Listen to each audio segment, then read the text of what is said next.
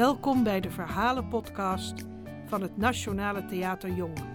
Een serie van originele, avontuurlijke en filosofische verhalen die je anders naar de wereld laten kijken. Speciaal geschreven voor kinderen en grote mensen door een nieuwe generatie schrijvers. Voorgelezen door de acteurs van het Nationale Theater.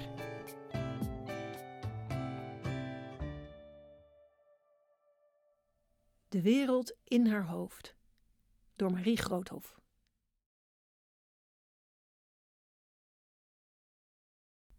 Ergens onder water beweegt een hele kleine aarde.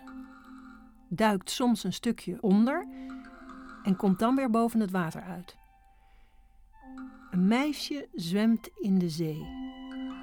Ze had aan de aarde gedacht, aan de aarde en alles erop. En om eraan te kunnen denken, moet de aarde passen in je hoofd. En toen liep ze dus ineens met een hoofd vol aarde rond. Meestal dacht ze aan minder grote dingen. Aan school, aan dat ze hadden gewonnen met voetbal, haar konijn, of wat ze vanavond zouden eten. Maar nu zat ineens de hele wereld erin. En omdat ze wilden gaan zwemmen, deden ze dat nu dus samen. De wereld was misschien ook wel eens toe aan een duik, koel water om wat op te frissen. Kom maar mee, had ze tegen de wereld in haar hoofd gezegd. En toen was ze de zee ingelopen. Terwijl ze even later onder water zwemt, bedenkt ze dat ergens op die wereld in haar hoofd een kleine zee is, waar een kleine versie van haarzelf nu aan het zwemmen is. Een kleine wereld met daarop een klein meisje in een kleine zee met in dat kleine hoofd een nog veel kleinere wereld in dat nog veel kleinere hoofdje. Een steeds kleinere wereld in een steeds kleiner hoofd van een steeds kleiner meisje. Ze schrikt en steekt haar hoofd weer boven water. Ze is ineens bang dat al dat denken de wereld uit haar hoofd zal kiepen en in het water zal laten tuimelen dat de wereld weg zal drijven, wegdobberend ergens op zee zal verdwalen. Ze zwemt terug en loopt het strand op om samen met de wereld op te drogen. Maar als ze een stukje in het zand opgelopen is, bedenkt ze dat het hier misschien ook niet veilig is. Als de wereld hier uit haar hoofd zou vallen, dan zou deze een behoorlijke val maken. De aarde zou ter aarde storten. En als een stuiterbal haar hoofd uitstuiteren, kort neerkomen, het zand raken en daarna recht omhoog de lucht inschieten. In het stuiteren zouden de zeeën en de oceanen wat water morsen en de stranden wat zand. De auto's zouden kort even opspringen en dan een stuk verder weer neerkomen. Mensen op straat, op fietsen, met tassen. Mensen in bussen, op stoelen. Alles zou heel even zweven in de lucht tot die kleine aarde weer omhoog stuitert en met alle stranden, auto's, mensen, fietsen en bussen recht de lucht invliegt. De lucht invliegt en verdwijnt. Ze besluit dat ze de wereld maar beter terug kan brengen. Terug naar waar deze haar hoofd ingeglipt is. Ze probeert zich de plek te herinneren, maar dat lukt niet. De wereld zit te veel in de weg om nog ergens over na te denken. Ze loopt een paar stappen achteruit om te zien of ze zo de plek vindt en bedenk dan dat ze misschien gewoon achteruit moet blijven lopen. Misschien komt ze er dan vanzelf terecht. Ze loopt verder achteruit, langzaam om nergens tegenaan te botsen. Haar voeten zoeken een weg in het zand terwijl haar blik zo goed mogelijk de omgeving afspeurt. Als ze na een tijdje omkijkt richting de zee, ziet ze ineens iets vreemds. Ze ziet dat de golven terug de zee ingetrokken worden. Alsof de zee de golven die ze eerst altijd neerlegt op het strand, nu liever bij zich houdt. Daarachter, waar het water rustig is, ziet ze een vrachtschip dat, als ze beter kijkt, achteruit vaart. In de lucht ziet ze twee meeuwen achteruit vliegen en daar weer boven een vliegtuig dat achterwaarts een streep laat verdwijnen Ze schudt haar hoofd. Als ze vervolgens naast zich kijkt, ziet ze twee meisjes die met hun tong een bolletje ijs op hun horentjes tevoorschijn likken, met ervoor langs een hond die achterwaarts richting de zee rent. Vlak voor het water schudt hij zijn vacht, waarop water in kleine druppeltjes vanuit alle richtingen zijn vacht inspringt. De hond lijkt het water zijn vacht in te schudden. Als hij nat genoeg is, rent hij achteruit de zee in. Het is alsof hij de druppels verzamelt om ze terug naar de zee te brengen. Ze volgt een tijdje de hond en ziet dan ineens, daar heel in de verte, een walvisstaart uit het water tevoorschijn komen. Alsof de walvis door een onzichtbare hand aan zijn staart in een boog teruggetrokken wordt. Het begint haar te duizelen. De zee die golven terugtrekt, een walvis die achter zijn staart aanduikt. Ze blijft staan kijken tot de kop van de walvis verdwenen is. De wereld moet misschien haar hoofd uit om weer vrij te kunnen draaien. Misschien zat alles vastgedraaid in haar hoofd, veilig maar zonder ruimte om te bewegen. Ze gaat een stukje door haar knieën en maakt een zo hoog mogelijke sprong. Ze wil de wereld weer de goede kant op zetten, alles weer de goede kant op laten draaien. Maar als ze neerkomt van de zo hoog mogelijke sprong, klinkt er een knal, een harde knal die alles een stukje laat opspringen.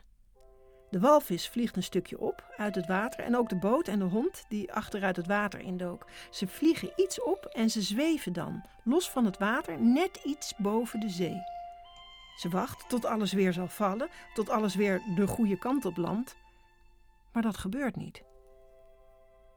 Alles valt maar niet. Alles hangt doodstil. Val dan, roept ze richting zee maar niks valt. Val maar, roept ze nog eens.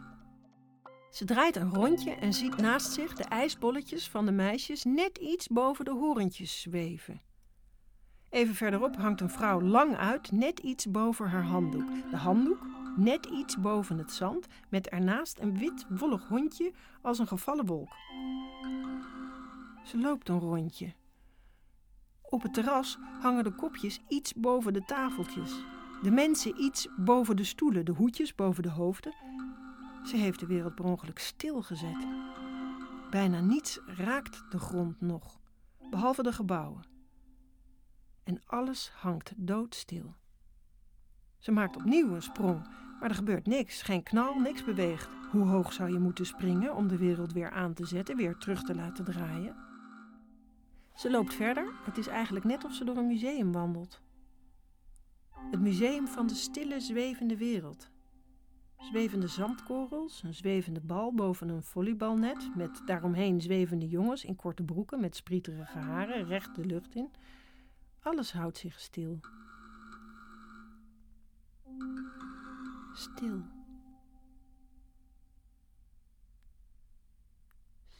Stil. Hoe maak ik dit nou allemaal weer wakker? vraagt ze zich af terwijl ze door de stilte wandelt. Die wereld moet mijn hoofd uit om weer vrij te kunnen draaien. Misschien zit alles daar wel vastgedraaid. Of de wereld schrok misschien van een sprong en is weggekropen. Kom, kom maar weer tevoorschijn, fluistert ze richting de verscholen wereld. Ze gaat op een bankje zitten, niet zo goed wetend wat ze met die stille wereld aan moet. Ze doet haar ogen dicht en probeert de wereld wakker te denken met dingen die draaien een frisbee in de lucht. Een tol die draait op de weg. Een bal die wegrolt. Ze kijkt even op, maar er beweegt nog steeds niks.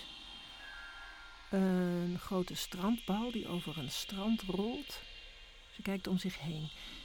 Niets groters misschien. Een, reuze, een reuzenrad dat hoog de lucht indraait. Of nee, wacht, een grote ronde steen die een berg afrolt.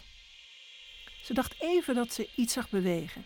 Dat de meeuw kort met een vleugel sloeg en toen direct weer stil hing. Alsof het niet gebeurd was. Ze blijft naar hem kijken, maar hij geeft geen kik. Misschien had ze het zich verbeeld. Ze zucht. Ze besluit dat ze iets anders moet proberen. Ze kijkt om zich heen en ziet dan een duin even verderop. Ze loopt erheen en klimt naar boven. Als ze boven is aangekomen, gaat ze liggen en doet haar ogen dicht. Niet bang zijn, fluistert ze nog eens tegen zichzelf en tegen de wereld. Ze wil naar beneden rollen, maar ze durft niet. Ze ligt net zo stil als de rest van de wereld. Ze gaat weer staan, kijkt naar de zee beneden zich. Niet bang zijn, zegt ze nu hardop. Ze weet niet eens precies tegen wie ze het zegt. Tegen de walvis misschien? En de meeuwen, de boot? Ze haalt diep adem. Niet bang zijn, roept ze nu, zo hard als ze kan tegen de hond en het vliegtuig, naar alles wat stil viel en dus ook tegen zichzelf. Dan gaat ze weer liggen, doet haar ogen dicht en begint te rollen. Eerst houdt ze nog wat in om de wereld niet te laten schrikken, maar dan rolt ze steeds sneller. Al rollend doet ze haar ogen weer open. Ze probeert te zien of er alweer iets beweegt, maar ze beweegt zelf te snel om te zien of dat zo is. Alsof alles één vlekkerig schilderij is geworden. Als ze bijna beneden is, ziet ze ineens dat ze bijna tegen de hond aanrolt. De hond die nog als een wolk boven het zand hangt. Ze rolt bijna tegen hem aan, maar vlak voor ze tegen hem opbotst, schrikt de hond ineens wakker. Hij schrikt, landt op zijn poten en begint direct hard blaffend de stille wereld in te rennen. Hij blaft zo hard dat de meeuwen schrikken en weer met hun vleugels slaan. Ze slaan met hun vleugels en beginnen zo hard te krijzen dat de walvis van schrik weer onderduikt. Hij duikt onder en klapt zijn staart zo hard op het water dat vervolgens alles wakker schrikt. De geschrokken meisjes likken weer aan hun ijsbolletjes, de koffiekopjes rinkelen terug op de schoteltjes, de auto's komen met een plofje neer en beginnen weer te rijden. En het vliegtuig begint opnieuw aan de witte streep in de lucht. Ze ligt nog even op de grond, natollend van het rollen, terwijl ondertussen de wereld weer geluid begint te maken. Als een draaimolen die lang heeft stilgestaan en die langzaam weer krakend begint te draaien. Ze blijft nog even liggen om te zien hoe de wereld weer alle kanten op beweegt. Tot ze straks op zal staan en weer met de wereld mee zal bewegen. Dit verhaal werd voorgelezen door Tamar van den Dop. Regie Noël Fischer. Muziek en soundscape Gerjan Schreuder. Schrijfbegeleiding Martine Manten. Geluidstechniek Alexander Kramer. Educatie Iselien van Duren en Lotte de Leeuw. Geproduceerd door het Nationale Theater Jong, Den Haag.